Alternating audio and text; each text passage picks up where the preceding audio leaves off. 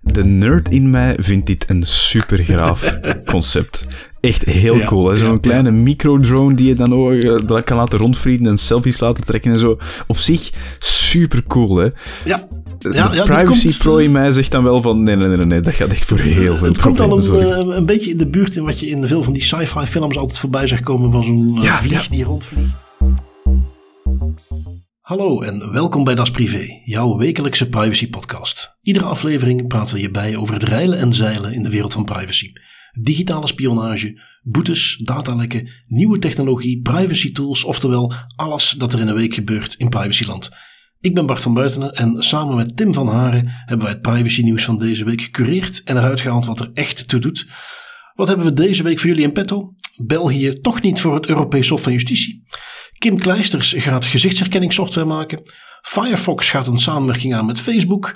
En verder hebben we nog een lekkere dosis spionageonderwerpen waar uiteraard China niet in kan ontbreken. Eh, maar we beginnen dus redelijk dicht bij huis. Eh, Europa gaat dan toch ons niet voor het Europees Hof van Justitie slepen in de context van de gegevensbeschermingsautoriteit en een gebrek aan onafhankelijkheid. Hoe hebben we dat voor elkaar gekregen om dat niet te laten gebeuren? Ja, om misschien meteen even de context nog mee te geven. Dus in 2021, een aantal maanden terug, heeft de Europese Commissie eigenlijk een inbreukprocedure gestart bij, tegen de GBA, omdat het vraag had bij de onafhankelijkheid van die entiteit. Het is zo dat in de GDPR-wetgeving er is opgenomen dat een nationale toezichthouder die volledig afhankelijk moet kunnen zijn. Uh, om meerdere redenen denk ik wel dat het ook duidelijk is waarom dat zo'n toezichthouder onafhankelijk moet kunnen zijn. Die moet advies kunnen geven, moet besluiten kunnen geven over verwerking van persoonsgegevens, over grootschalige projecten. Dan kan het niet de bedoeling zijn dat er een belangenverstrengeling is. En dat was nu net exact het probleem. Er waren een aantal bestuursleden van de GBA die ook betrokken zijn, of waren eerder, bij de overheid en dat zorgde voor een belangenverstrengeling. En men vond dat de GBA zo niet onafhankelijk kon optreden. Ik denk dat het er in totaal drie waren. Twee van die omstreden bestuursleden die waren al opgestapt en nu volgt ook Frank Robben die uiteindelijk ja, de handdoek in de ring gooit en zegt op deze manier kunnen we niet verder gaan. Ik stop er ook mee. Nu, wat maakt Frank Robben zo een uh, speciaal figuur en, en iemand die toch wel vaak in opspraak kwam als het ging over deze case? Um, Frank Robben was verbonden aan de GBA als adviseur, maar verzamelde daarnaast ook nog wel een heleboel andere mandaten doorheen heel zijn carrière. Zo was hij onder andere topman bij het e-health-platform, uh, de administrateur-generaal nog altijd bij het KSZ en topman bij ICT-dienstleverancier, uh, de favoriet eigenlijk van de overheid Smals. Hij is opgestapt. Dat betekent dat drie bestuursleden waar eigenlijk vragen rond waren van ja, die bestuursleden dat die in het adviesorgaan van de GBA zitten, is er dan een belangenverstrengeling of niet? Dat is nu van de kaart. En dus heeft de Europese Commissie gezegd, fine, wij zien geen probleem meer, het probleem is van de baan.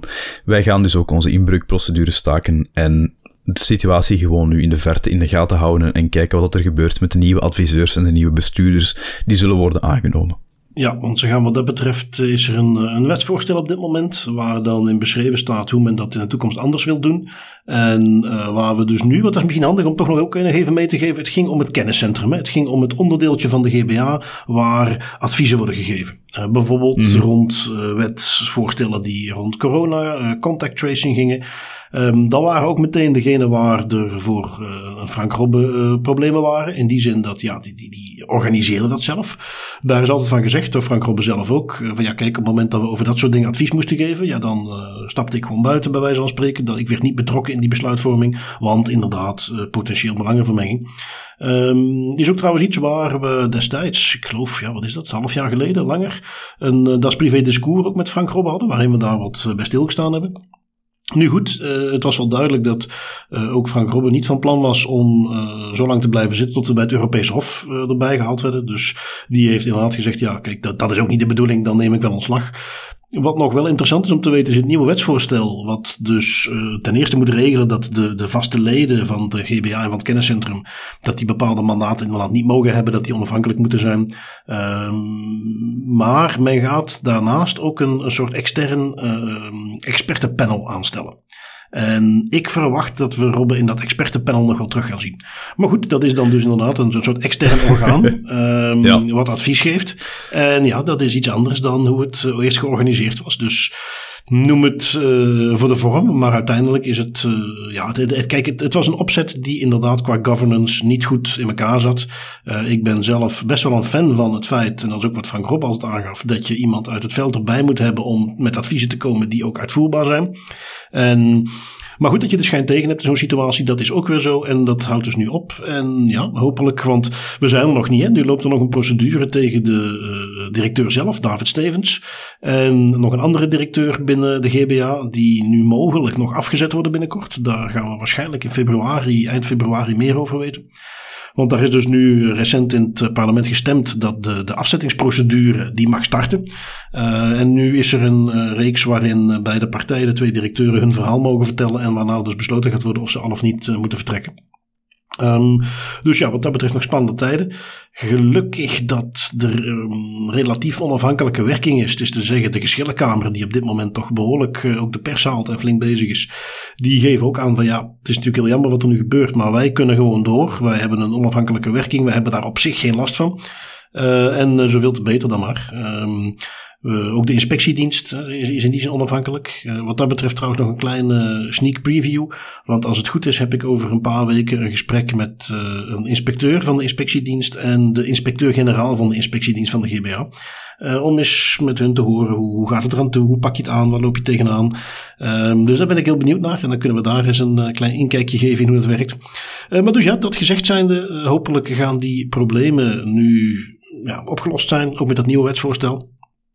Um, wat hebben we nog meegenomen? Uh, iets minder uh, formeel. Uh, geen GBA-context, maar wel Kim Kleisters. Nou, altijd leuk. Um, natuurlijk toch een, een lievelingetje voor ook de Belgische media. voor de mensen die haar niet zouden kennen. toch een van de beste tennisters die België ooit heeft voorgebracht, voortgebracht. Heel veel gewonnen. Um, nu haalt ze het nieuws dan niet met haar tenniswerk, wel met haar padelwerk. Niet zozeer omdat ze daar kampioenschappen gaat winnen, maar wel omdat ze van het Kim Kleisters, ja, hoe heet het? Health Business Club of Health Fitness Club. In ieder geval haar eigen fitnessclub. Um, daar hadden ze een probleem. Uh, hadden ze een probleem met mensen die de padelvelden gingen gebruiken, maar eigenlijk geen lid waren. Uh, volgens het artikel wat ik las, het nieuwsblad, 30% van de gebruikers die hadden helemaal geen abonnement en stonden toch op die padelvelden bezig. En dan komen daar leden aan die willen gaan padellen en ja, dat gaat niet. Nou, um, wat ga je dan doen? Hoe ga je dat oplossen? Um, ga je mensen vragen om met een badge in te loggen? Ga je ze een pincode geven? Ga je er van mij apart een slot op zetten waar je sleutel voor kunt halen? Nee, Kim Kleisters wil graag mee met de tijd en die gaat gezichtsherkenning inzetten. Um, wat blijkt, niet alleen heeft zij die technologie aangeschaft om, ja, ik zeg natuurlijk zij zelf, ik ga ervan uit dat dat niet een omgeving is waar Kim zelf iedere dag rondloopt, maar ze is er sowieso bij betrokken, want ze gaat niet alleen in die uh, padelclub dat laten installeren, ze heeft zelf een bedrijf opgericht. Pablo heet het. Ze heeft zelf een bedrijf opgericht die gezichtsherkenningssoftware maakt, specifiek voor de implementatie in die padelvelden. Um, ja, uh, de GBA pikte dat op in de media, heeft een brief gestuurd.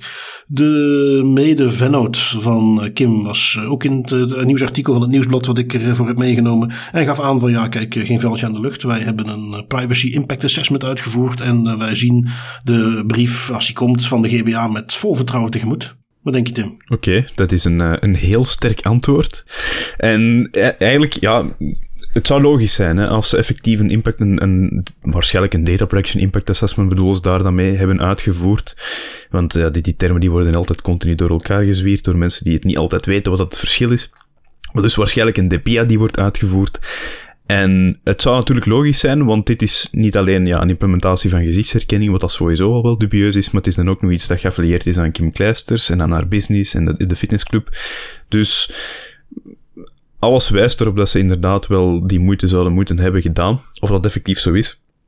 Dat zullen we dan moeten zien. Ik was er net nog eigenlijk aan het denken. Dit is wel echt een heel interessante case om in het oog te houden en om te kijken wat er eigenlijk later nog in de media uh, van terecht komt. Want ja, de, de public outcry was er natuurlijk al. Nu is het eens bekijken of dat ze effectief hun best hebben gedaan.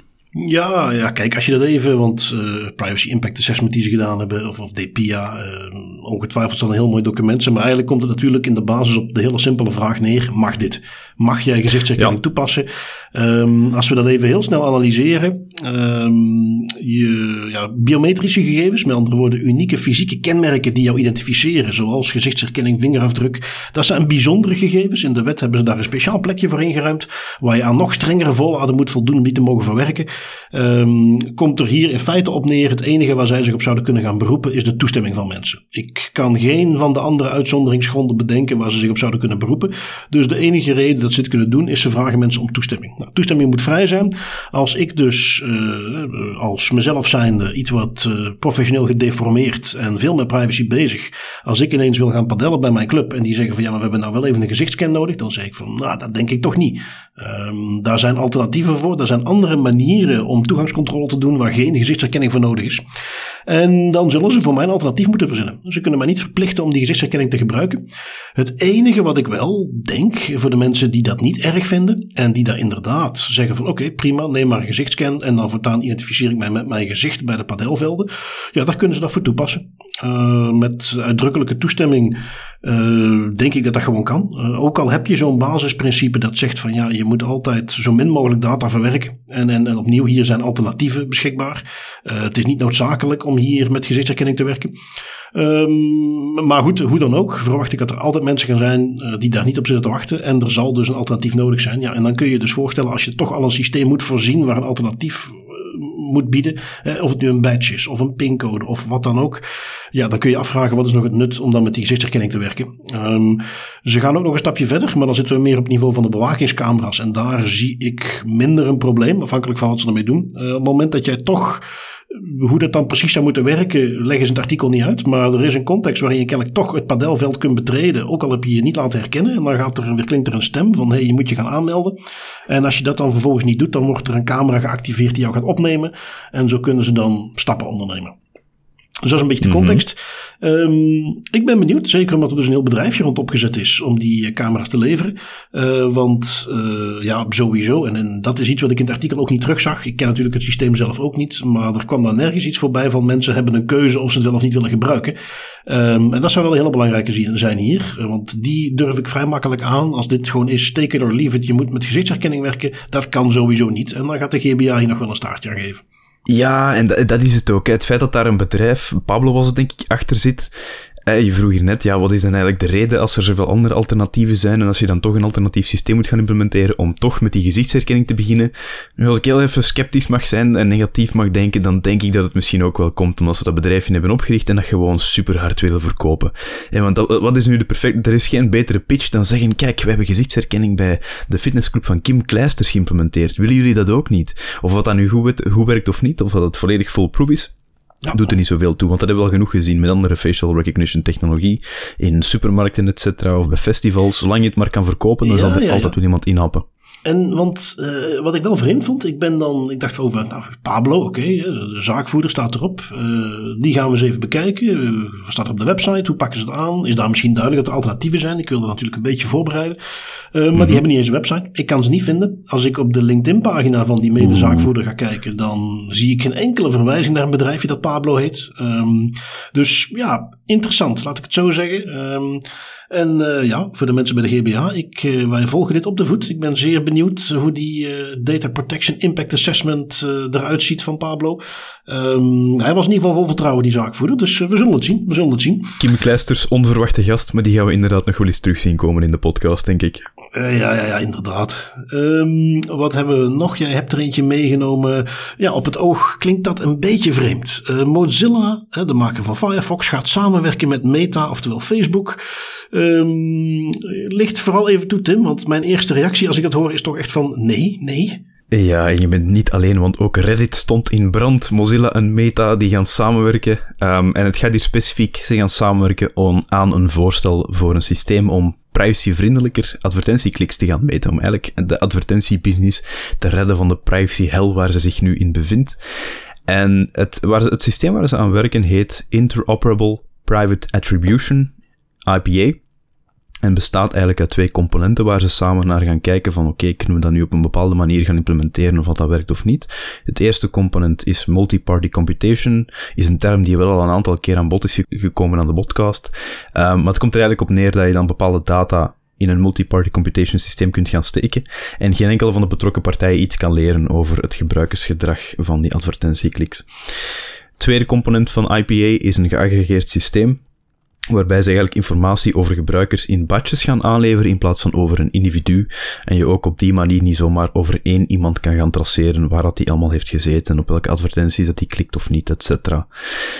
Is wel iets dat een stevig discussiepunt is, want ja, het is en blijft wel een samenwerking tussen Meta, een bedrijf dat, uh, ja, om het heel simpel te zeggen, geen moer heeft aan privacy en er ook niks om geeft.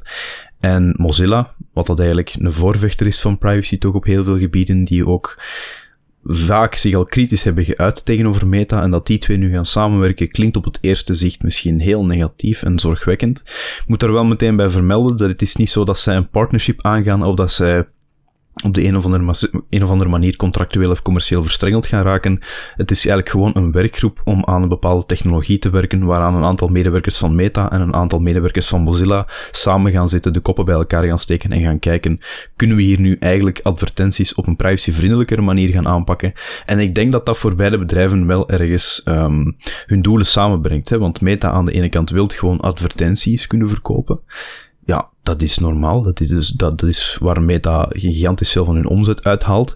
En of dat nu op een privacyvriendelijke manier of niet gaat, maakt eigenlijk denk ik voor Meta niet zo heel veel uit, zolang ze het maar kunnen doen. En Mozilla heeft er baat bij om in, in deze werkgroep te zitten, omdat zij ja, toch wel een privacyvoorvechter zijn en er wel baat bij hebben, ook vanuit hun naam en reputatie, om aan dit soort technologieën mee te werken. Dus ik vind het op zich... Um, ik, ik ben voorzichtig optimistisch en ik ben eigenlijk vooral ook benieuwd naar wat jij denkt, Bart. Wel, het doet mij een beetje aan eh, storm in een glas water eh, denken. Als ik het ook mhm. bekijk, uh, vooral het onderscheid dat het hier dus niet gaat om, uh, waar Google ook mee bezig was, hè, met Vlog, een, een soort privacyvriendelijk systeem om toch mensen te kunnen tracken en, en, advertenties te serveren. Hier gaat het echt om het meten van de prestatie van advertenties. En uh, dat is iets, dat, dat is eigenlijk, ja, goh, misschien in, in marketingland wel, wij weten dat ook wel, maar volgens mij niet heel breed geweten dat alles wat te maken heeft met het meten van hoe goed hebben die advertenties nu gewerkt, hoeveel van jouw advertenties, beste klant, voor Facebook, Google, hoeveel van jouw advertenties hebben ook geleid tot een aankoop, dat blijft een beetje de heilige graal voor de Googles en de Facebooks van deze wereld. Zij, kunnen, gooien altijd al met cijfers van kijk, jullie ad is al zoveel mensen bekeken, maar er is van bekend dat die door allerlei botnetwerken uh, gigantisch onbetrouwbaar zijn.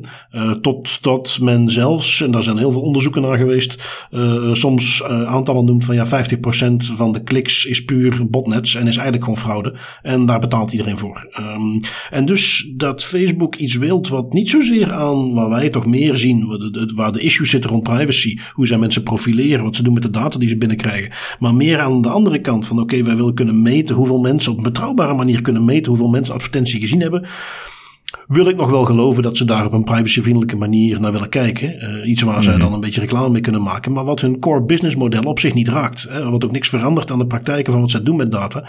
En dus wil ik nog best geloven dat ze dat hier gaan doen. Um, ik weet ook niet, maar daar, daar, heb ik niet zo 1, 2, 3 kunnen zien. Ik weet ook niet in hoeverre dit gewoon is dat Mozilla en Meta samen in die werkgroep zitten bij de W3C. Of dat het echt een gezamenlijk initiatief is. Ik weet niet of jij dat hebt gezien. Um, voor zover ik weet is het een gezamenlijk initiatief. Dus het is wel zij die de werkgroep hebben opgericht. En ze hebben dit, deze technologie, of het voorstel eigenlijk, het concept, voorgesteld aan het W3C.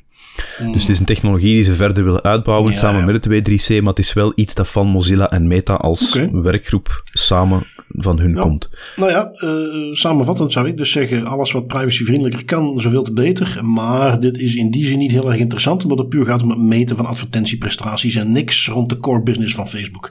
En opnieuw, dan wil ik best geloven dat ze daarvoor openstaan. Ja, en ik zag op, uh, ja, onder andere op Reddit heel veel negatieve commentaar komen uh, over, doemscenario's waarbij dan Mozilla dan een complete sell-out is en Firefox en Focus binnenkort ook privacy-invasief zijn.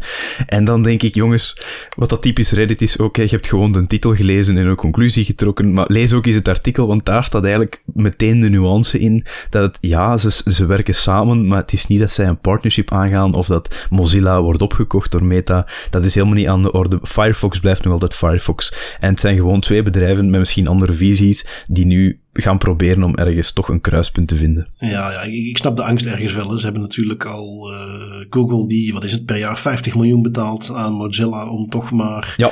Om, ja, het is niet meer browserkeuze standaard of, of uh, zoekmachine standaard. Dat is wat Apple. Apple krijgt er een paar miljard voor per jaar om op Safari nog standaard Google als zoekmachine te hebben.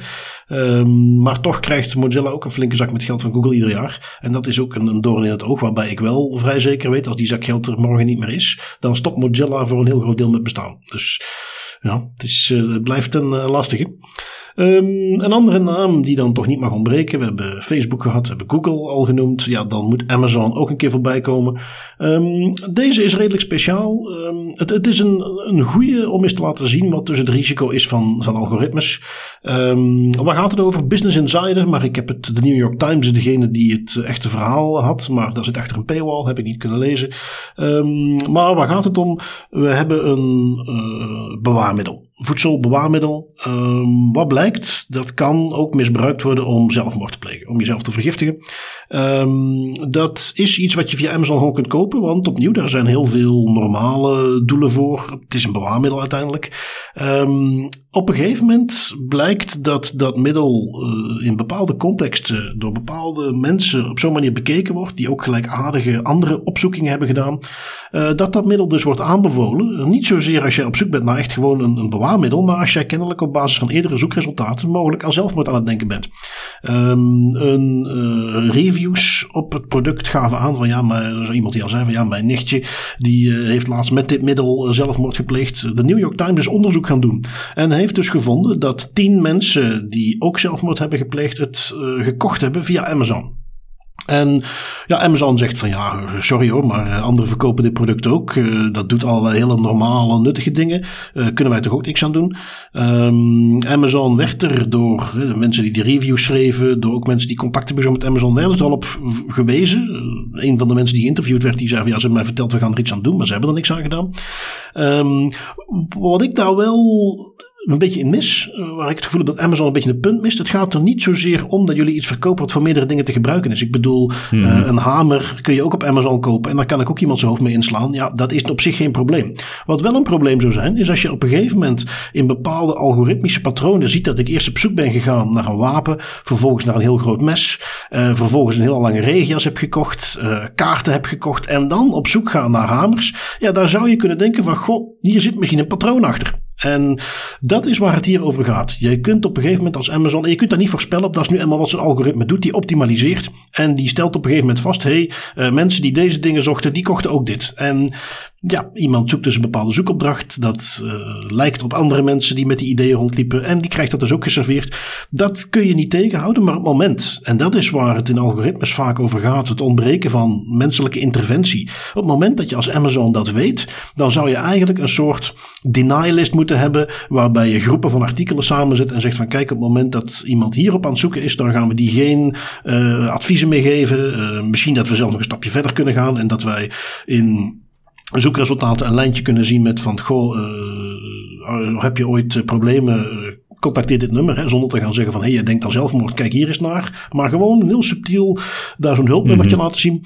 Um, en, en, dat is iets wat ik hier helemaal in miste. En dat is iets wat volgens mij prima moet kunnen. Uh, dat men zo die functie heeft. Dat is ook iets wat de, de GDPR, de wet bij ons ook voorschrijft. Op het moment dat je onderworpen wordt aan geautomatiseerde besluitvorming, profilering bijvoorbeeld, met significante gevolgen. Nou, ik denk dat we dat hier wel makkelijk kunnen zeggen.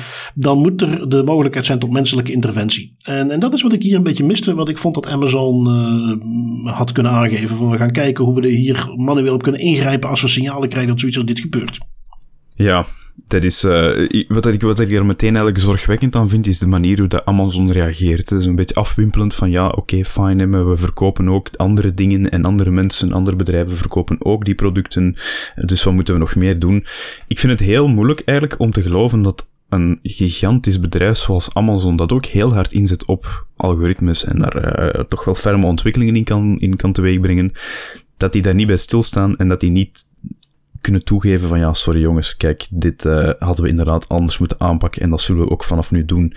Dat, voor, dat vind ik ook heel zorgwekkend van Amazon. En ik snap ook ergens waarom dat ze doen, want als ze zouden moeten toegeven dat ze hier fout in zijn, ja, dan hebben ze binnen de kortste keren 10 class action lawsuits aan hun deur.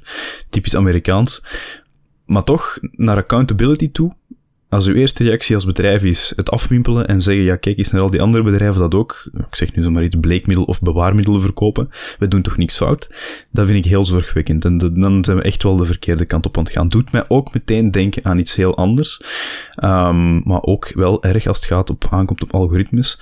Uh, en dat zijn mensen die een gokverslaving hebben en die dan eigenlijk continu daarvan af proberen te geraken en het lukt niet, want ze worden permanent geconfronteerd met advertenties over gokken en over online casino's. En dat eigenlijk zelfs die casino's op een bepaald moment ook beseffen waar ze mee bezig zijn. Doet me daar heel hard aan denken. Hè? Als het gaat over algorithm transparency en accountability, dat zijn zaken waar we zeker naar de toekomst toe, als ze toch meer met algoritmes gaan bezig zijn, heel hard op moeten letten. Naar de destructieve kant van algoritmes eigenlijk. Nee, kan ik me alleen maar bij aansluiten. Um, eentje die natuurlijk, want ja, algoritmes die they're here to stay. Dus uh, daar gaan we nog vaker eens tegen zien. En opnieuw, mm -hmm. daar moet een bepaald mechanisme te voorzien zijn, waardoor je uh, kunt inbouwen. En opnieuw, het is niet te voorkomen, uh, maar waar als je signalen krijgt dat er zo'n patroon in jouw algoritme zit, dat je daarop kunt ingrijpen. Dat, dat, dat kan nooit zo moeilijk zijn. Um, Even zien, wat hebben we nog meegenomen? Eentje uit het Verenigd Koninkrijk. Je had hem bij van tweakers.net. Um, ja, die, die zijn wat nieuwe dingen aan het bedenken. Weer een nieuw wetsvoorstel. Uh, wat zijn ze van plan in de UK? Ja, daar is vandaag de dag een uh, uitbreiding van de Online Safety Bill in the works. Dat is een wetvoorstel waar men eigenlijk via wetgeving wil voorkomen dat minderjarigen toegang gaan krijgen tot pornografisch materiaal. Dat idee van kinderen behoeden voor pornografisch materiaal op het internet, dat heeft eigenlijk al best een lange geschiedenis. Ik heb daar zo wat onderzoek, opzoekwerk over gedaan en ik verschoot daar wel van. Um, die waren al, het Verenigd Koninkrijk was er eigenlijk al in 2010 mee bezig. Toen waren er eigenlijk al plannen voor een opt-in systeem om toegang te krijgen. Uh, dat opt-in systeem kwam er bijvoorbeeld op neer dat je eigenlijk tegen je telecomprovider expliciet moest gaan zeggen van hallo, ik wil graag vanaf nu porno bekijken is niet zo echt gebruiksvriendelijk hè, voor heel veel redenen. Um, evolueerde dan naar leeftijdschecks, filters, maar is eigenlijk nooit van de grond gekomen. Vooral omdat er kritiek kwam vanuit Europa en privacyvoorvechters. Nu ja, met de Brexit dan uh, kan Europa niet zo vervelend niet meer doen over de privacy. Dus in 2019 uh, heeft men al die plannen geschrapt en nu, 2022, heeft men dat plan terug op tafel gelegd en heeft men gezegd, we gaan toch terug proberen om de kinderen te behoeden voor online pornografisch materiaal. Wat daar vooral zorgwekkend aan is, is dat ze dat wetvoorstel eigenlijk stel, wetvoorstel stelselmatig meer en meer aan het uitbreiden zijn en de scope aan het uitbreiden. Um, Praktisch voorbeeld daarvan is het wetvoorstel bevat eigenlijk eerst een verplichte leeftijdscheck op een of andere manier voor commerciële pornosites die het uploaden van user-generated content mogelijk maken. Dus echt gewoon de klassieke commerciële pornosite. Nu hebben ze recent een uitbreiding van dat wetsvoorstel erdoor gehaald, dat nu door het parlement nog moet goedgekeurd worden, waarin dat die scope veel ruimer ligt dan commerciële pornosites. Het gaat nu over alle sites die op een of andere manier user-generated pornografisch materiaal aanbieden in een of andere vorm. Die vallen nu ook binnen scope van die online safety bill. Dat wil dus zeggen niet alleen commerciële pornosites, maar ook gewoon een zoekmachine, social media, Wikipedia zelfs, want zelfs daar kan materiaal op gevonden worden dat als pornografisch geclassificeerd wordt. En dan is uw scope plots wel heel hard en heel groot geworden. Wilt dus zeggen dat als dat wetvoorstel erdoor komt, dat al die verschillende sites uh, een verplichte identificatie, een, nee, eerder leeftijdscheck gaan moeten doen, een verificatie van de leeftijd van gebruikers. Wil dus zeggen dat die veel meer persoonsgegevens gaan moeten verzamelen, waarschijnlijk in de vorm van een kredietkaart of een identiteitskaart. Ja, um, nu weet ik niet wat voor Wikipedia-artikels dat dan zijn hoor. Ik kom toch al heel veel jaren op Wikipedia, maar ik heb daar nog nooit uh, porno aangetroffen.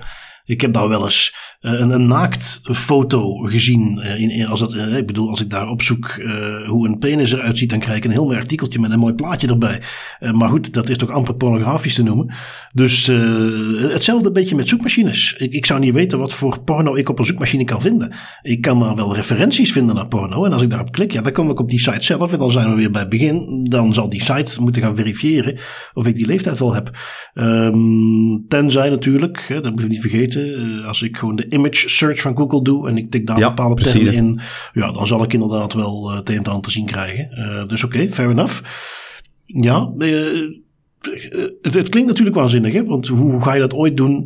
want mm ja, eh, als ik even probeer mee te denken hoe dat dan zou moeten zijn. Als je dat nog een beetje zinvol wilt doen, dan zou je dus eigenlijk Wikipedia en, zoek, en zoekmachines moeten opleggen dat ze een soort uh, eh, NSFW, Not Suitable for Work, modus gaan aanbieden.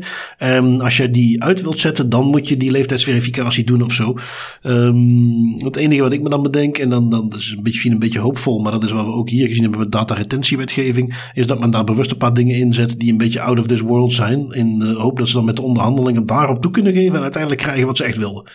Ja, ja, ja, kijk, als we kijken naar bijvoorbeeld het voorbeeld van die zoekmachines, een Google of een Firefox, um, daar kan men misschien dat wel gemakkelijk gaan inbouwen in die incognito-modus, want laten we eerlijk zijn, waarvoor dat, wordt dat anders nog voor gebruikt? Hè? Maar als we dat wel even serieus moeten bekijken, je gaf het eigenlijk al aan, ja, op het eerste zicht zoekmachines. Hoe ga je daar nu pornografisch materiaal op kunnen vinden, behalve inderdaad de referenties naar de website zelf. Maar het gaat inderdaad over het capteren van elke mogelijke vorm van pornografisch materiaal die via een website, dus ook gewoon Google een zoekmachine, gevonden kan worden. En dan is bijvoorbeeld Google Images gewoon een gigantische bron van pornografisch materiaal en daar maken ze dan een probleem van. En dat hebben ze dus ook binnen scope gebracht van het wetvoorstel. Opnieuw, dat wetvoorstel moet nog langs het parlement passeren. Het kan heel goed zijn dat men gewoon dat uitlacht en zegt: ja, jongens, dit is gewoon totale waanzin. Wat dat wij hier ook al zeggen, want het is technisch onmogelijk om zoiets te gaan implementeren. We zullen zien. Maar het is wel, uh, het is wel iets dat het Verenigd Koninkrijk nu terug op de agenda heeft staan, blijkbaar. Oké, nou ja, interessant om te zien hoe zich dat uh, ontwikkelt. Um, wat hebben we nog meegenomen? Ik heb eh, een artikeltje van de AIVD.nl. Um, AIVD en natuurlijk de inlichtingendienst eh, uit Nederland staat er in de wereldmarkt ook redelijk goed op. Die halen vaak het nieuws met leuke acties die ze doen. Terughacken, uh, dingen offline halen. Um, in een aantal boeken die ik daarover gelezen heb, hebben ze zelfs acties gedaan waarbij ze op een gegeven moment konden meekijken via de camera's van het uh, centrum waar de Russische hacktroepen bezig waren om andere partijen te hacken. Dus ze hadden teruggehackt, waren bij de Russen binnengedrongen, keken mee met de camera waar ze die effectief konden zien. Dus allemaal leuke dingen. Um, maar ze kunnen het ook een beetje down to earth houden. Ze komen ook met praktisch advies. En ze hebben een campagne opgezet. Het, het is een awareness campagne die gericht is tegen spionage. Uh, zij willen tips meegeven hoe je je kunt verzetten tegen spionage, hoe je tegenaan kunt lopen. En uh, ze schetsen een praktijkverhaal, uh, uiteraard met gefingeerde namen, maar ze geven aan van kijk, dit is wel hoe het in de praktijk loopt. we hebben het daar ooit op die manier ook al eens over gehad, maar ze schetsen dus een situatie. Ze werken met de namen Robert en Leslie. Leslie die werkt in security, doet beveiliging, surveillance diensten voor internationale bedrijven en krijgt op social media, zeg LinkedIn, een uitnodiging van iemand die hij niet kent. Maar ze hebben een gezamenlijke connectie, accepteert. Uh, Robert die biedt Leslie lucratieve deals aan, leuke reizen. Uh, hij moet gewoon een paar artikeltjes schrijven. Um, nou oké, eh, Robert is een beetje vaag, maar Leslie ziet dat aan als een stukje discretie, vindt dat prima. op een gegeven moment gaan ze dan via mail door. Um, en krijgt Leslie een keer het verzoek om inderdaad een artikeltje te schrijven. Dat hebben ze gedaan. Ze spreken af om dat artikeltje in een uh, Michelin-sterrenrestaurant is te gaan overlopen. Uh, de vergoeding die beloofd is, wordt effectief betaald. Um, dat gaat zo door tot op een gegeven moment Robert toch steeds meer naar gevoeligere informatie begint te vragen. Leslie voelt zich daar wat ongemakkelijk bij. Uh, heeft wel al geld en cadeautjes gekregen, dus is, is bang dat, het, ja, dat ze geen nee meer kan zeggen. Um, en uiteindelijk gaan ze dan toch ertoe over om het contact gewoon te verbreken. Nou, dat is hoe kennelijk de AIVD schetst dat een klassieke modus operandi zou kunnen zijn van buitenlandse inlichtingendiensten om uh, zich binnen te wurmen, iemand om te draaien, zodat hij uiteindelijk onder druk gezet kan worden om informatieprijs te geven. En kennelijk vinden ze dat zo actueel, dat risico, dat ze dus een hele awareness campagne aangeweid hebben, uh, waar ze ook publicaties gedaan hebben via social media. Ehm, Tim, hoe vaak ben jij al benaderd door buitenlandse inlichtingendiensten? Wel, um, ik kan me er niet meteen voor de geest halen. Nu, natuurlijk, hè, een buitenlandse inlichtingendienst, als ze het goed willen aanpakken, dan zou ik het niet weten. Hè. Dan zou ik het niet doorhebben dat ik word benaderd. Nee, maar, maar uitnodigingen dus, van uh, vage connecties? Ik heb uh, een paar vage connecties, maar niks dat te maken heeft met spionage. En ik ben helaas ook nog nooit uitgenodigd voor een Michelin-restaurant. Schuw. Geroepen voelt, wees welkom, zou ik zeggen.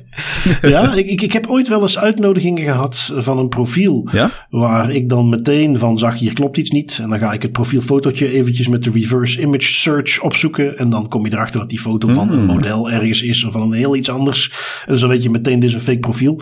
Ehm, wat ik me daar wel eens bij heb bedacht, eh, is van ja, die, die proberen netwerken in kaart te brengen. Dus op het moment dat ik daar dan een connectie mee heb, dan krijgen ze toegang tot met wie ik dan weer connecties heb. En op die manier Ja, kunnen ze wat dingen in kaart brengen. Ehm, ik heb dat soort uitnodigingen dan de keren dat ik het toch door had, nooit geaccepteerd. Ehm, ik weet nog wel, back in the day, toen ik net met LinkedIn begon, eh, was ik er heel erg op geënt om die 500 plus op mijn eh, profiel te krijgen. Dus dan heb ik alles wat los en vast had geaccepteerd. Hè, zo, zo Ja, ging dat ja. toen. Maar goed, we zijn ondertussen al heel wat jaren en security en privacy ervaring verder. En eh, dat eh, is niet meer aan de orde. Ehm, maar ik ben ook nog nooit eh, op die manier benaderd. Ik, ik, eh, ja, kijk Tim, het is gewoon de harde waarheid dan. Wij zijn niet interessant genoeg. We zijn eh, gekrenkt in ons ego, maar we zijn wel veilig. Ja, ja, dat dan weer wel, hè. Ehm, even zien. Ja, ik heb eh, een- klein beetje een... eh, ik gaf het al aan in de intro, een spion-thema. Ehm, Ja, ja. ik ja. kwam een interessant artikeltje tegen op de website electrospaces.net. Ehm, dat is een, een website, een blog-site eigenlijk, van iemand die al jarenlang zich bezighoudt met eh, ja, eh, inlichtingendiensten, wat die doen. hij heeft een keer heel wat publiciteit gehaald toen hij een, een foto van de Situation Room van de Amerikanen, waar ze dus als er een crisis is samenkomen, de president zit, en waar hij de verschillende apparaten die daar stonden, telefoons en andere communicatiemiddelen, is eh, één per één toelichten en, en, en daar informatie bij gaf. En komt dus ook vaak met artikeltjes over inlichtingendiensten. Nou, dat is sowieso een beetje een, een, een, een int- interesse van mij, een hobby. Ehm, deze keer stond een artikeltje wat ging over Europese spionagesamenwerkingen. En dat vond ik wel interessant, eh, omdat we horen natuurlijk heel vaak van eh, het principe van de Five Eyes, hoe de, de Anglo-Saxische landen samenwerken, hoe die gegevens delen, eh, Amerikaanse inlichtingendiensten. Ehm, ik krijg dan vaak ook wel eens terug te horen van ja, maar hè, de Europese inlichtingendiensten die doen ook wel het een en het ander hoor. En dit, dit artikeltje gaat daar een beetje op in. Ehm, ja, de privacy link is natuurlijk, die delen gegevens met elkaar. Gegevens die ze zelf verzameld hebben we dan doorgegeven aan de ander. Ehm, degene waar die op inzoomde was de Maximator samenwerking. Dat is een, eh, die bestaat al sinds 1976 kennelijk. Bestaat uit Frankrijk, Nederland, Denemarken, Duitsland en Zweden.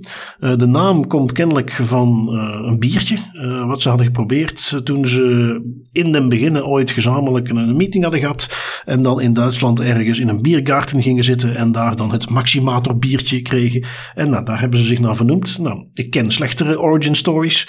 Ehm, wat ik grappig vond, eh, men vermeldde er even bij van ja, België zit niet in dat groepje. Ehm, kennelijk hebben die een tijd geleden hebben die een, basic failure gedaan. Een hele domme fout als het ging om het beheren van hun cryptografische sleutels. En eh, hebben ze er dus eh, een tijd slecht opgestaan bij de andere inlichtingendiensten. En mochten ze niet bij het clubje komen.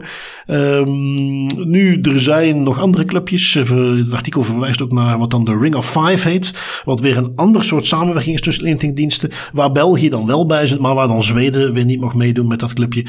Ehm, wat doen die? Ja, die helpen elkaar vooral met signals intelligence. Dus eh, dan, dan zijn er signalen verzameld, informatie wordt dan met elkaar gedeeld. En uh, crypto-analyse, eh, op het moment dat zij ehm, toegang moeten krijgen tot eh, versleutelde informatie. Of dat zij ergens eh, misschien door een, een algoritme wat ze verzwakt hebben eh, toegang kunnen krijgen. Dan delen ze die informatie om daar gebruik van te maken. Ehm, nou, ik vond het wel in- interessant om eh, eens mee te nemen. Ook om eens te weten dat dus Europese inlichtingendiensten ook op die manier bezig zijn. Ook informatie met elkaar delen. Ehm, dat we wat dat betreft, ja, je, hebt toch altijd de indruk dat die daar op een andere manier mee omgaan dan Amerikanen. Maar dat het hele principe van gegevens aan elkaar doorspelen ook in Europa zeker niet vreemd is. Ja, en dat, dat is wel echt een leuke. En zeker de origin story achter die naam. Het klinkt bijna verzonnen, maar dat maakt het net eh, zo charmant. Hè. Is ook wel iets eh, dat ik denk, iets dat bijdraagt aan het feit dat die spionagegroeperingen en agentschappen vanuit de Europese Unie niet altijd even bekend zijn. Is omdat die ook, denk ik, dat is puur mijn eigen perceptie natuurlijk, kleinschaliger zijn als je dat vergelijkt met de Amerikaanse inlichtingendiensten of de Russische. Ik bedoel, dat is een heel continent dat erachter zit, terwijl hier hebben we eigenlijk ons eigen landje, die elk hun eigen dingen doen. Maar de, die zijn belangen zo groot niet, denk ik. Hè. Ik, kan, ik weet het natuurlijk niet. En dan is het ook wel leuk om te zien dat die ook ergens onderling wel samenwerken en uh, in een typische Europese charme het dan naar een biertje noemen dat ze gedronken ja, hebben. Dat, dat vind ik eigenlijk wel, wel, ja, dat vind ik wel leuk. Het, Beetje jammer dat wij er niet in zitten in dat clubje, maar uh, ja. Ja, wel, wel een andere clubje, wat dan weer een iets minder interessant is. De Ring of Five. Eh, misschien dat ze daar wat meer naar de Lord of the Rings naam referenties. Dat mag ook wel. Ja. Uh, maar dus ja, goed, dat voor een klein uh, stukje spionage nog. Um, we gaan door. En ja, hier ben ik eigenlijk wel heel benieuwd naar, Tim. Want uh, ik heb het zelf nog niet bekeken, maar ik heb jouw titeltje gezien in onze show notes of in onze runsheet. iets positiefs over Google. Nou, maak me gek. Ja, ja, ja, we gaan het kort houden, want het moet ook niet te positief zijn natuurlijk. Maar het is wel een interessant cijfer dat ze recent gepubliceerd hebben dat ik wel even wil vermelden. Google heeft eigenlijk een tijdje terug een nieuw inlogbeleid geïmplementeerd voor iets van 150 miljoen van hun accounts. Um, en het inlogbeleid hield eigenlijk in dat gebruikers niet langer enkel met een wachtwoord konden inloggen, maar verplicht werden om een of andere vorm van multifactor authentication in te stellen. Dus een wachtwoord gebruiken en bijvoorbeeld een sms met een code of een multifactor authentication app. Nu, op Internationale Dag voor Veiliger Internet heeft Google enkele interessante resultaten gedeeld, die ik toch ook graag met onze luisteraars deel, om het ook eens over iets positiefs te hebben dat Google heeft gedaan, want ik vind het wel een leuk initiatief. Um, het is best interessant, want Google zegt wel sinds het initiatief om multifactor authentication te verplichten, zien wij een daling van 50% in het aantal gecompromitteerde accounts bij die 150 miljoen gebruikers waar multifactor authentication verplicht wordt. Mijn eerste gedachte was cool, 50%, dat is best goed. En toen ik daar wat verder over, bij, eigenlijk bij stilstond, besefte ik van eigenlijk 50% is best nog veel als het gaat over accounts die dan gecompromitteerd worden, zelfs met multifactor authentication. Ik dacht altijd, ik had altijd wel het gevoel, multifactor authentication, dat zal voor een veel hoger percentage zorgen van accounts die dan niet meer gecompromitteerd worden. Maar blijkbaar is dat maar 50% effectief. Uh, dat betekent dus dat 50% van de accounts beveiligd met multifactor authentication nog altijd gecompromitteerd worden. Dus dat is belangen zo effectief niet als dat ik eigenlijk had gedacht. Is ook iets dat Google aanhaalt van multifactor authentication is een hele goede maatregel om uw account beter te beveiligen, maar is lang niet de holy grail. En er zijn zeker nog andere stappen die je kan ondernemen als we naar uh, een veiligere toekomst willen gaan. Iets wat als zij al heel hard op inspelen is passwordless future, waarbij we eigenlijk geen wachtwoorden meer gaan gebruiken, maar andere manieren om in te loggen. Hoe dat ze dat zien, dat is nog iets waar we natuurlijk uh, over kunnen discussiëren. Maar het is eigenlijk wel interessant om te zien dat multifactor authentication ja, niet zo effectief is. Uh, ja, ja, ik weet niet of dat hetgene is wat ik wil onthouden van de, deze invoering, moet ik toegeven. Uh, want ja, wat gecompromitteerd is, daar zie ik verder niet staan. En dat kan natuurlijk van alles zijn. Um, het is ook wel iets, ja, kijk dat er technieken zijn om, om two-factor authentication heen te komen, eh, dat is wel duidelijk. Um, het kan ook zijn, ja, ik weet natuurlijk niet wie die 150 miljoen gebruikers waren. Um, het wat bijvoorbeeld zou kunnen zijn, is dat, want dat heet Google wel, hè, die hebben, hebben een, een subset waarbij ze zeggen: dit zijn hoog risicogebruikers. En die mm -hmm. gaan we nu verplichten om dit te doen. En dat betekent ook meteen dat die hoog risicogebruikers, die zullen ook het doelwit zijn van veel meer geavanceerde aanvallen. En dat dat misschien ook een van de redenen is, want ja, je kunt om two-factor authentication nog steeds heen. Um, maar de, de 13 in dozijn spray and pray uh, aanvallen met phishing die we voorbij zien komen, uh, ik denk dat daar 90% niet meer van werkt als uh, two-factor authentication aanstaat. Dus, dus het antwoord zit er misschien in wie die 150 miljoen waren. Het zit er misschien in de definitie van gecompromitteerd. Misschien dat daar meer over valt dan in een phishing mailtje trappen en dat er nog andere manieren zijn.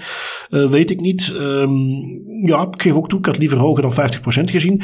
Neemt niet weg. Um, en, en dat is toch een stap dat duurt altijd even voor zoiets doen. Hè? Dat, dat Google, dat two-factor authentication beter is, dat weet iedereen. Uh, maar dat ze dat dan vervolgens ook gaan verplichten, dat is iets wat ze meestal niet durven. Omdat ze dan bang zijn dat daar mensen tegen gaan protesteren. En, en ja, daar hebben ze hier toch op een gegeven moment gezegd, de tijd is nu rijp, we gaan dat gewoon verplichten. Um, en ja, goed, meteen 50% uh, Uh, al met al vind ik het een win. En uh, iets wat volgens mij heel veel diensten die dit aanbieden ook mogen gaan doen. Ga die two-factor authentication maar eens instellen. Ook omdat ik, daar zie ik ook in heel veel organisaties waar ik kom. Mensen zijn lui. En die mm -hmm. extra actie doen is iets waar mensen ook al weten dat het beter is het toch gewoon niet gaan doen. Gewoon omdat het makkelijker is. En die moet je een beetje helpen om zichzelf te helpen. En dit soort dingen gewoon verplicht maken. Precies, ja, ja. En een, um, 50%, een daling van 50% in het aantal gecompromitteerde accounts enkel en alleen met het implementeren van multifactor authentication, wat dat eigenlijk een simpele implementatie is, dat is nog altijd een stevige daling. Hè? Dat neemt niet weg. Maar ik, ik had wel verwacht dat het een hoger percentage ging zijn dan eigenlijk gewoon net de helft. Die 150 miljoen accounts trouwens, van hoe de, als ik het artikel me goed herinner, um, waren allemaal accounts die nog geen vorm van multifactor authentication hadden geïmplementeerd of hadden geconfigureerd. Right. Ze waren allemaal accounts zonder MFA. Um, en ik denk niet dat ze een onderscheid hebben gemaakt tussen hoog of laag risico Nee, nee, accounts. nee, nee, nee. Dat denk ik niet. Um, dus vandaar dat ik had, ik had zoiets van ja, 50%. Zeker een mooi aantal voor een simpele maatregel. Had wel nog iets hoger gemogen. Ja, Dus ja, uh, ja. er is zeker nog werk aan de winkel. Ja, inderdaad. Ehm, even zien, dan gaan wij door met nog een beetje China. Ehm, wij staan specifiek stil bij Hikvision. Als je nu zegt van eh, Bart, Hikvision zegt mij niks. Dat is ten eerste geen probleem. Dat geldt voor veel mensen. Ten tweede betekent het wel dat je misschien niet altijd even aandachtig hebt geluisterd naar Das Privé. Het zij je vergeven. Want jij, shame. Tim, had een paar weken geleden nog een, eh, een artikeltje meegenomen van een supermarkt die gezichtsherkenning ging implementeren. Ehm, daar gebruikten ze de Hikvision camera's voor. Eh, waarom is dat eh, ja, goh, eh, een beetje een issue? Het gaat om Chinese camera's, gemaakt in China.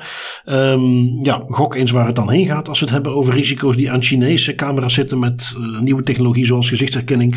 Ehm, dat is dat men zich dus afvraagt, is dat wel zo'n goed idee om die te gaan gebruiken? Men denkt dan niet meteen aan supermarkten of andere, laten we zeggen, meer commerciële toepassingen. Maar, en ik heb er eigenlijk twee meegenomen waar het in voorbij kwam. Een artikeltje uit de Humo en iets van de NOS uit Nederland. Ehm, de Humo was er het eerste mee. Die hadden eigenlijk eind januari. En ik moet dus toegeven, Tim, dat ik dat niet had gespot. Anders hadden we dat zeker in de podcast al meegenomen. Maar die was mij toch even ontglipt. Eh, een behoorlijk uitgebreid artikeltje hebben gedaan. waarin ze zijn gaan kijken naar eh, ja, het gebruik van die camera's. eh, en waar die gebruikt worden. En, en waar zij tegenaan liepen, is dat dat dus niet alleen ging over dingen zoals supermarkten. maar dat het ging over ziekenhuizen, politiezones, universiteiten, gemeenten, overheidsdiensten. die ook allemaal die Hikvision camera's hadden. Ehm, wat is nu het, het risico waar men concreet eh, bang voor is? Eh, ook omdat er natuurlijk precedenten zijn in, in andere eh, vormen van technologie. Dat is dat er een backdoor zit op de software die geleverd wordt met die camera's. Of misschien zelfs op die camera's zelf. Dat zijn natuurlijk niet meer de gewone domme camera's met een lens. En die sturen een signaaltje door van een opnamemateriaal. Daar, daar zit allerlei software in. Die zijn ook over het algemeen internet-enabled. Want die moeten natuurlijk meteen data door kunnen sturen. En dan is een backdoor in zoiets zeker wel een potentieel risico. Um, en ja, Humo deed dus de inventarisatie aan de kant van België. Waar hangen die eigenlijk allemaal? Um, en, en stelde daar overigens ook meteen weer vast dat een, een iets gecoördineerd beleid over het gebruik van camera's en, en overzicht heeft over waar staan die allemaal en welke soorten zijn het, dat dat een beetje ontbreekt. Um, wat ik aan de andere kant wel opvallend vind, want wij hebben sinds de wetswijziging van de camerawetgeving een verplichting om een, een, een register in te vullen en een aangifte te doen. En daar moet onder andere het type camera in vermeld staan, zelfs technische details zoals de locatie en de resolutie van die camera's. Dat gaat dan wel specifiek over bewakingscamera's. Misschien dat er camera's zijn die niet in die context vallen, dat weet ik niet. Maar dus eigenlijk is dat net bedoeld om dat overzicht wel te hebben. Dus opvallend dat Humo constateerde dat daar eigenlijk geen zicht op was. Um, de NOS, ja, die, die zijn een beetje tegen hetzelfde aangelopen, maar dus een paar weken later uh, stellen ook vast dat die op allerlei plekken hangen, ook bij uh, ministeries. En dat dat toch iets is waar men eens even over na moet denken. Dat dat misschien niet zo'n goed idee is om het op die manier te doen. Um, het is ook iets waar kennelijk men nu naar aan het kijken is om die camera's dan toch een stuk te gaan vervangen. Um, wat het extra saillant maakt is dat Hikvision sowieso al een beetje controversieel is, omdat zij, als het gaat om installaties die de Oeigoerse minderheid in China in de gaten houden, uh, dat zij ook leverancier zijn in die contexten. Dus het is sowieso al een bedrijf waar je niet al te vrolijk van wordt. En ja, goed, dat is iets uh, waar ik denk dat een kleine inventarisatie, mocht die er dan toch ergens nog niet zijn, uh, om vast te stellen op welke gevoelige plekken vanuit een stukje staatsveiligheid bekeken staan die camera's en die toch eens even gaan vervangen met niet-Chinese modellen, dat lijkt mij geen slecht idee. Ik uh, vraag mij af of het facial recognition projectje van Kim Kleisters ook Hikvision camera's gebruikt. Want mm. die zijn goedkoop en die worden overal gebruikt. Mooi dat wel eens een interessante vraag zijn om eigenlijk eens te kijken of dat we ergens kunnen achterhalen. Hè? En, en om meteen nog even terug te grijpen naar een artikeltje wat we op de website gepubliceerd hadden rond de ANPR-camera's. Daar zitten ook Hikvisions tussen. Oeh, ja. Ja. ja. Dus ja, die zitten overal overigens. In, wat dat betreft, NOS en Humo, dat, dat, klopt helemaal. Op het moment dat je erop gaat letten, dan kom je ze overal tegen. Want het klassieke, wat je altijd in die context terug ziet komen. Ja, maar ze zijn technologisch zo goed en ze zijn zoveel goedkoper dan de anderen. ja, dat kan zijn, maar er zijn andere afwegingen dan prijs. Ja, ja, dat zag je bij Huawei ook. Hè. Tot als je dan verplicht wordt door de wet om toch al die apparatuur eruit te gaan trekken en met iets nieuws te komen, omdat het een te groot risico vormt. Dat ja. uh, zou hier ook wel eens het geval kunnen zijn en binnenkort. Hier doet men dat dan wel, maar als je hoort dat dezelfde risico's spelen als je gebruik maakt van Amerikaanse tools, dan staat het hele internet op hoge poten van ja, maar dat kun je toch niet van ons eisen. Uh, want dat zit nu overal. Ja. Um, nu goed, al moet ik toegeven dat ik daar het risico zelf ook iets minder acuut inschat. Maar het is wel dezelfde context. Um, waar ik mee wil afsluiten voor ons nieuwsoverzichtje is iets wat ik voorbij heb zien komen. Um, de dronephone. Uh, en de dronephone is iets nieuws van Vivo. Uh, ze hebben daar het patent voor aangevraagd. Een patent wat al zo ver uitgewerkt is dat er foto's zitten, dat er allerlei technische omschrijvingen zitten. En wat is een dronephone? Um, even zien of ik dat uh, in een non-visueel medium een beetje uitgelegd krijg. Um, alhoewel het in wezen redelijk simpel is. Je hebt je telefoon. Je, je kent wel eens van die telefoons die zo'n zo'n uitstekende camera hadden, zo'n notch. Zo'n ding dat uit kan klikken en dan kun je mhm. een betere foto nemen, kunt hem weer terugduwen. Wel, Vivo heeft in dezelfde context hebben zij in zo'nzelfde notch iets gemaakt wat dan geen cameraatje is in de strikte zin, maar wat een mini droontje is. Dus je moet je dat voorstellen als een drone die, wat zullen we zeggen, pak een beet eh, even groot is als eh, een, een, een uurwerk qua afmetingen. Um, een, een, een stevige 2 euro munt, nog ietsje groter. En daar zitten dan vier propellertjes in. En dat ding kan dus effectief, dat komt dan uit je telefoon, gaat rondvliegen, daar zit een camera in. En daar kun je dan vervolgens uiteraard op je telefoon zien wat die allemaal aan het bekijken is uh, en hoe die rondvliegt. Um, ja, ik zie daar geen uh, privacy-risico's. Jij wel, Tim? Nou, nou, waar zijn we over bezig? Absoluut niet. Ik moet nu wel, ik moet nu wel eerlijk gezegd toegeven, Bart. De nerd in mij vindt dit een super graaf concept. Echt heel cool. Zo'n kleine micro-drone die je dan ook uh, kan laten rondvliegen en selfies laten trekken en zo. Op zich super cool, hè? Ja, ja, de ja, privacy komt, pro in mij zegt dan wel van nee, nee, nee, nee, dat gaat echt voor heel veel Het komt al een, een, beetje in de buurt in wat je in veel van die sci-fi films altijd voorbij zag komen van zo'n ja, vlieg die rondvliegt en uh, die dan precies, beelden precies. op kan nemen. kleiner en kleiner. Ja. Super cool, maar uh, vanuit een privacy perspectief uh, toch wel een beetje dubieus en daar gaan we toch wel vragen over te stellen waarom ik misschien een kleine slag om de arm zou houden. Uh, want ik heb hier, uh, en wij zijn niet per se aan het hunten op primeurs op techgebied, maar ik heb hier op Tweakers of andere sites helemaal niks van voorbij zien komen. Um, ik heb er alleen informatie over teruggevonden op uh, alle Aziatische websites. maar toch hmm. met een aantal screenshots van de patentaanvragen en dergelijke. Dus ik denk echt wel dat dit, dat dit eraan komt. misschien daar nog niet over een paar maanden. Maar dat ze er echt mee bezig zijn, dat dit echt een ding is dat, dat ze gaan maken. En ja, laten we zeggen, interessant interessante technologie. Interessante technologie. Zeker. Zeker iets om in het oog te houden. Um, kijkend naar een aantal datalekken die we hebben gezien. Um, je hebt er eentje meegenomen van Puma. Ja, inderdaad. De helft van de medewerkers van Puma zijn slachtoffer geworden van ransomware en hun data is waarschijnlijk gelekt. Uh, het gaat over uh, persoonsgegevens van 6600 medewerkers, wat iets minder is, denk ik, dan de helft van alle Puma-medewerkers wereldwijd. Um, die dankzij een ransomware aanval op een van hun dienstverleners, de Kronos Private Cloud, gelekt zouden zijn. Het is helaas nog niet echt duidelijk om wat voor gegevens het gaat, al vermoed ik wel ergens dat het om een hele hoop HR-bestanden onder andere zou kunnen gaan, aangezien ze wel hebben bevestigd dat burger service nummers uh, genoemd worden in het datalek. Nu, op zich niet het meest noemenswaardige en er is nog niet zo heel veel informatie, maar ik vond het wel leuk om mee te nemen, zeker aangezien we de voorbije weken eigenlijk verbazingwekkend weinig datalekken hebben kunnen meenemen. Het is een beetje stil geweest in deze rubriek, dus ik ben blij dat we toch, allee, blij, moet ik dubbel bekijken. hè. Oh, het is goed dat we er nog eentje kunnen meenemen. Ja, ja, ja. Jij ja? Nee, nee, nee, het is, uh, het is interessant om te zien, alleszins. Ik heb er ook nog eentje gevonden. Um, ook weer niet heel dicht bij huis. Um, maar leuk in die zin dat het iets is wat de pers een beetje haalt en wat wel dichter bij huis komt. Uh, heb je al gehoord van de Freedom Convoys? Ja, ik bedoel, uh, als je je media openzet, kan je bijna er niet naast gaan kijken. Ah, dat is ongelooflijk. Wel, dat is kennelijk begonnen in Canada. En dat is begonnen met een GoFundMe. Uh, GoFundMe okay. bekend als een crowdfunding portaal. Je kunt daar een project op zetten. Mensen kunnen daar nog geld in storten. Um, ja. En dat hadden zij gedaan voor uh, die konvooien die ze op wilden starten. Waarmee ze dus in hun uh, strijd tegen de corona-onderdrukking wilden vechten voor hun vrijheid. En dan met een hele berg trucks naar de hoofdstad gaan. Um, zij hadden daar miljoenen mee verzameld. Maar GoFundMe besloot dat ze daar toch niet zo'n zin in hadden om zo'n project te steunen. Dus die hebben het offline gehaald. En toen moesten de organisatoren naar een wat minder bekend Give Go. Nou, ik zit sowieso niet erg in de crowdfunding uh, scene, maar Give Go kende ik inderdaad ook niet. Um, ja, wat zie je dan? Dan zit je op een wat kleiner platform. Dan is het misschien wat minder uh, al uh, uitgezocht en, en, en beveiligd. En waar ze tegenaan liepen is dat er voor de mensen die hier vaker mee bezig zijn, gaat dit als een ontzettende facepalm klinken. Een open S3 bucket stond waar 50 gigabyte aan data, inclusief duizenden foto's, kopieën van paspoorten en rijbewijzen stonden. Um, wat is een S3 bucket? Uh, heel simpel gezegd, uh, je moet je voorstellen dat jij hebt je cloud opslag bij eh, Google, je hebt Dropbox. Wel, zoiets kun je ook bij Amazon afnemen, waar jij dan niet zozeer voor je persoonlijke opslag, maar als achtergrond voor je applicatie, voor bijvoorbeeld een website zoals GoFundMe of GiveSendGo, uh, dingen kunt opslaan. En dat kan dan bij hmm. Amazon op een manier die natuurlijk veel goedkoper is dan het zelf te gaan doen. En een van de manieren dat zij zo'n opslag bieden, dat heet dan S3.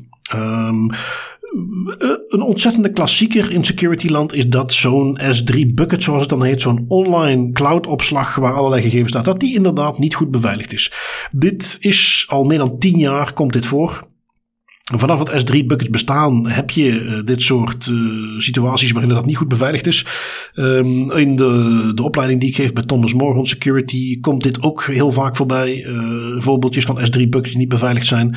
Um, hoe ze het gevonden hebben maakt het nog wat zuurder. iemand die kwam op de website van GiveSendGo, het project van de Freedom Convoy, heeft daar de code van de site bekeken die je in iedere browser kunt bekijken en vond daar de link naar die open S3 bucket. Um, uh, ze weten niet zeker hoe lang dit al open stond. Dit is iets wat Go, Go voor van alles gebruikte. Uh, maar wat ze wel vonden bij onderzoek is dat er al een keer eerder een andere security onderzoeker in 2018, in september 2018, al een klein bericht heeft achtergelaten van uh, jongens, dit open en bloot laten is volgens mij geen goed idee. Dus ja, alles wat daar de afgelopen jaren heeft gestaan was dus open en bloot. Ja, dat is vanuit security perspectief is dit een hele trieste. Zeker als je weet, de, Amazon is ook niet gek. Die hebben in hun cloud omgeving hebben zij tooltjes die niks anders doen dan jou alarmpjes geven als zij een S3 bucket zien die niet beveiligd is. Maar dan moet je die alarmpjes natuurlijk wel aanzetten en dat zal hier dan niet het geval geweest zijn. Ja, ik ging het eigenlijk net zeggen. Die Open S3 bucket, ik ben dat ook al zelf kotsbeu om dat te zien als het gaat over datalekken, want dit is echt iets dat je kan vermijden. 100%. Zij eh, stel dat je dan toch ergens vergeet om dat te beveiligen, en dat staat toch op de een of andere manier nog open. Amazon inderdaad biedt die mogelijkheden aan om alarmen in te schakelen om red flags naar omhoog te laten gaan als er inderdaad toch iemand in zo'n S3-bucket zit te rommelen die er niet in hoort te zitten. Die functionaliteiten zijn er, je betaalt er eigenlijk ook voor met het abonnement dat je afneemt als je zo'n S3-bucket gaat gebruiken. Dus ik, allee, dat, is, dat is soms frustrerend om nog wel eens te zien terugkomen. Dat aan vandaag de dag nog altijd het geval is dat, dat, dat zo'n dingen voorkomen. Ja, voor de mensen die nu denken van, oh, dat moet ik dan eens doorgeven als een toeltje bestaat. Dat, is, uh, dat heet Guard Duty, uh, wat je daarvoor kunt uh, activeren. Um, even zien, wat hebben we dan? Ja, dan is het tijd voor de acties van onze autoriteiten. You will Um, de eerste die jij hebt meegenomen, Tim, en die komt van jou, is de knil. Uh, die volgen kennelijk de uitspraak van de Oostenrijkse toezichthouder rond Google Analytics. Ja, ja, de domino's beginnen nu wel te vallen. Hè. Eerst de Oostenrijkse toezichthouder die eigenlijk zegt Google Analytics is illegaal, mag je niet meer gebruiken. Nu volgt ook de Franse knil met een uitspraak over Google Analytics. Um, ook als gevolg van een van de 101 klachten die None of Your Business heeft ingediend bij de verschillende Europese autoriteiten. En daar bevestigt men eigenlijk, het is eigenlijk niet nieuw, men bevestigt gewoon simpelweg een aantal punten die de Oostenrijkse toezichthouder ook al had aangehaald. En dat ging vooral over de bijkomende beveiligingsmateriaal die Google had genomen en waar men naar verwees als het ging over het verweer in, in die zaak.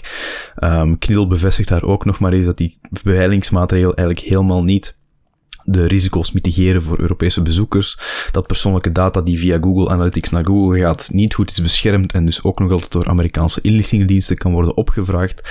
En dat het wat, en dat is vond ik wel een interessant puntje, wat het analytics tools betreft, beveelt KNIL officieel aan dat anonieme statistische gegevens zoveel mogelijk worden geproduceerd, zodat vrijstelling van toestemming mogelijk wordt, zodat je eigenlijk geen toestemming moet vragen omdat het geen persoonsgegevens zijn.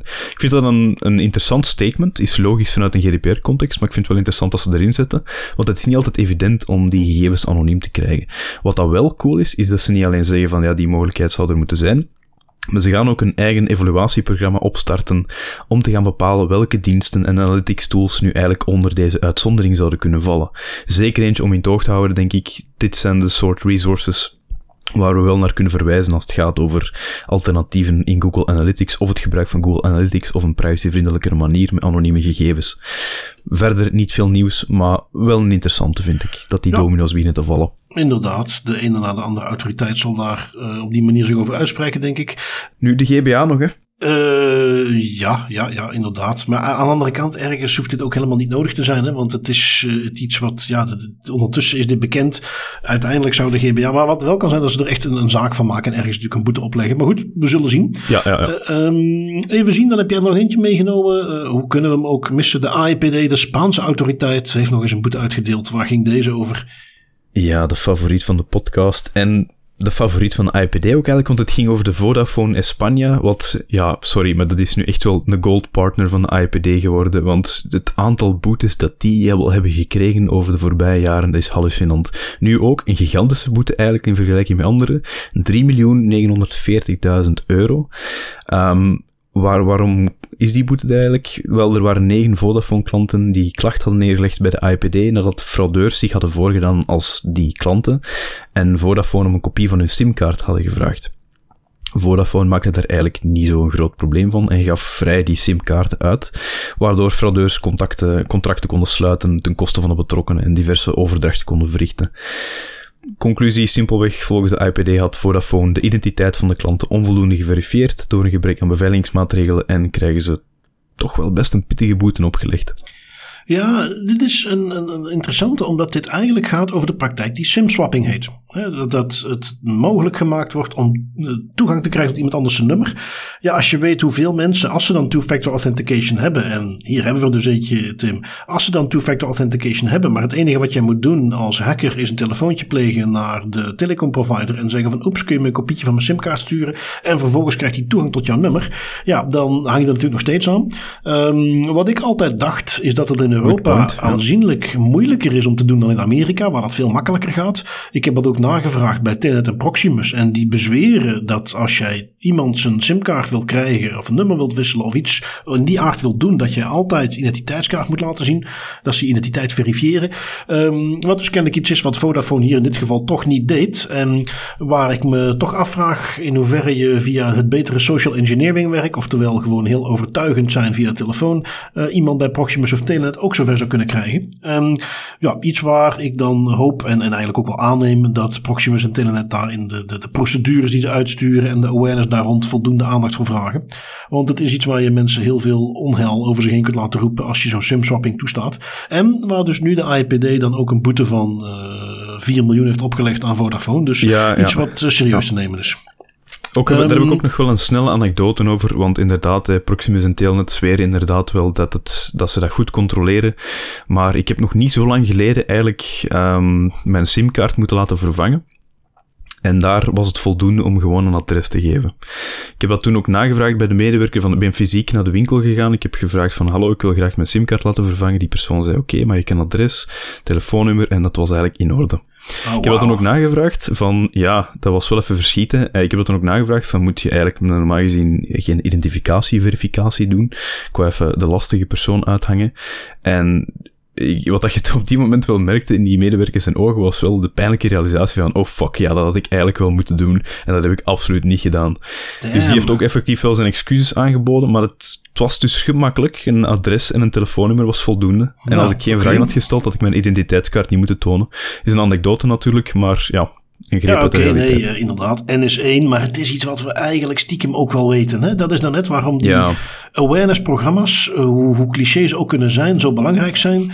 Um, Mensen zijn mensen, medewerker. Je, hebt daar wel eens gezien, hè? je loopt zo'n winkel voorbij van Proximus of Telenet en de rij staat tot buiten. Want heel veel dingen mm -hmm. moet je nu helemaal naar zo'n domme winkel om het geregeld te krijgen. Um, en die staan onder druk. En als die ook nog eens over identiteitsverificatie moeten gaan doen, denken ze dan, wordt het te lastig.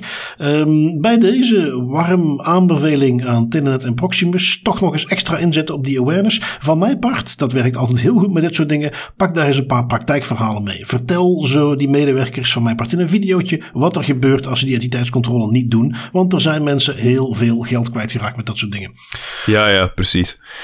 Um, even zien, ik heb nog een privacyvraag. Uh, ook in de context van tijd gaan we die redelijk uh, snel behandelen. Maar ik vond het toch interessant, um, omdat die wel wat vaker terugkomt. Waar ging het over? Uh, privacyvraag ingediend.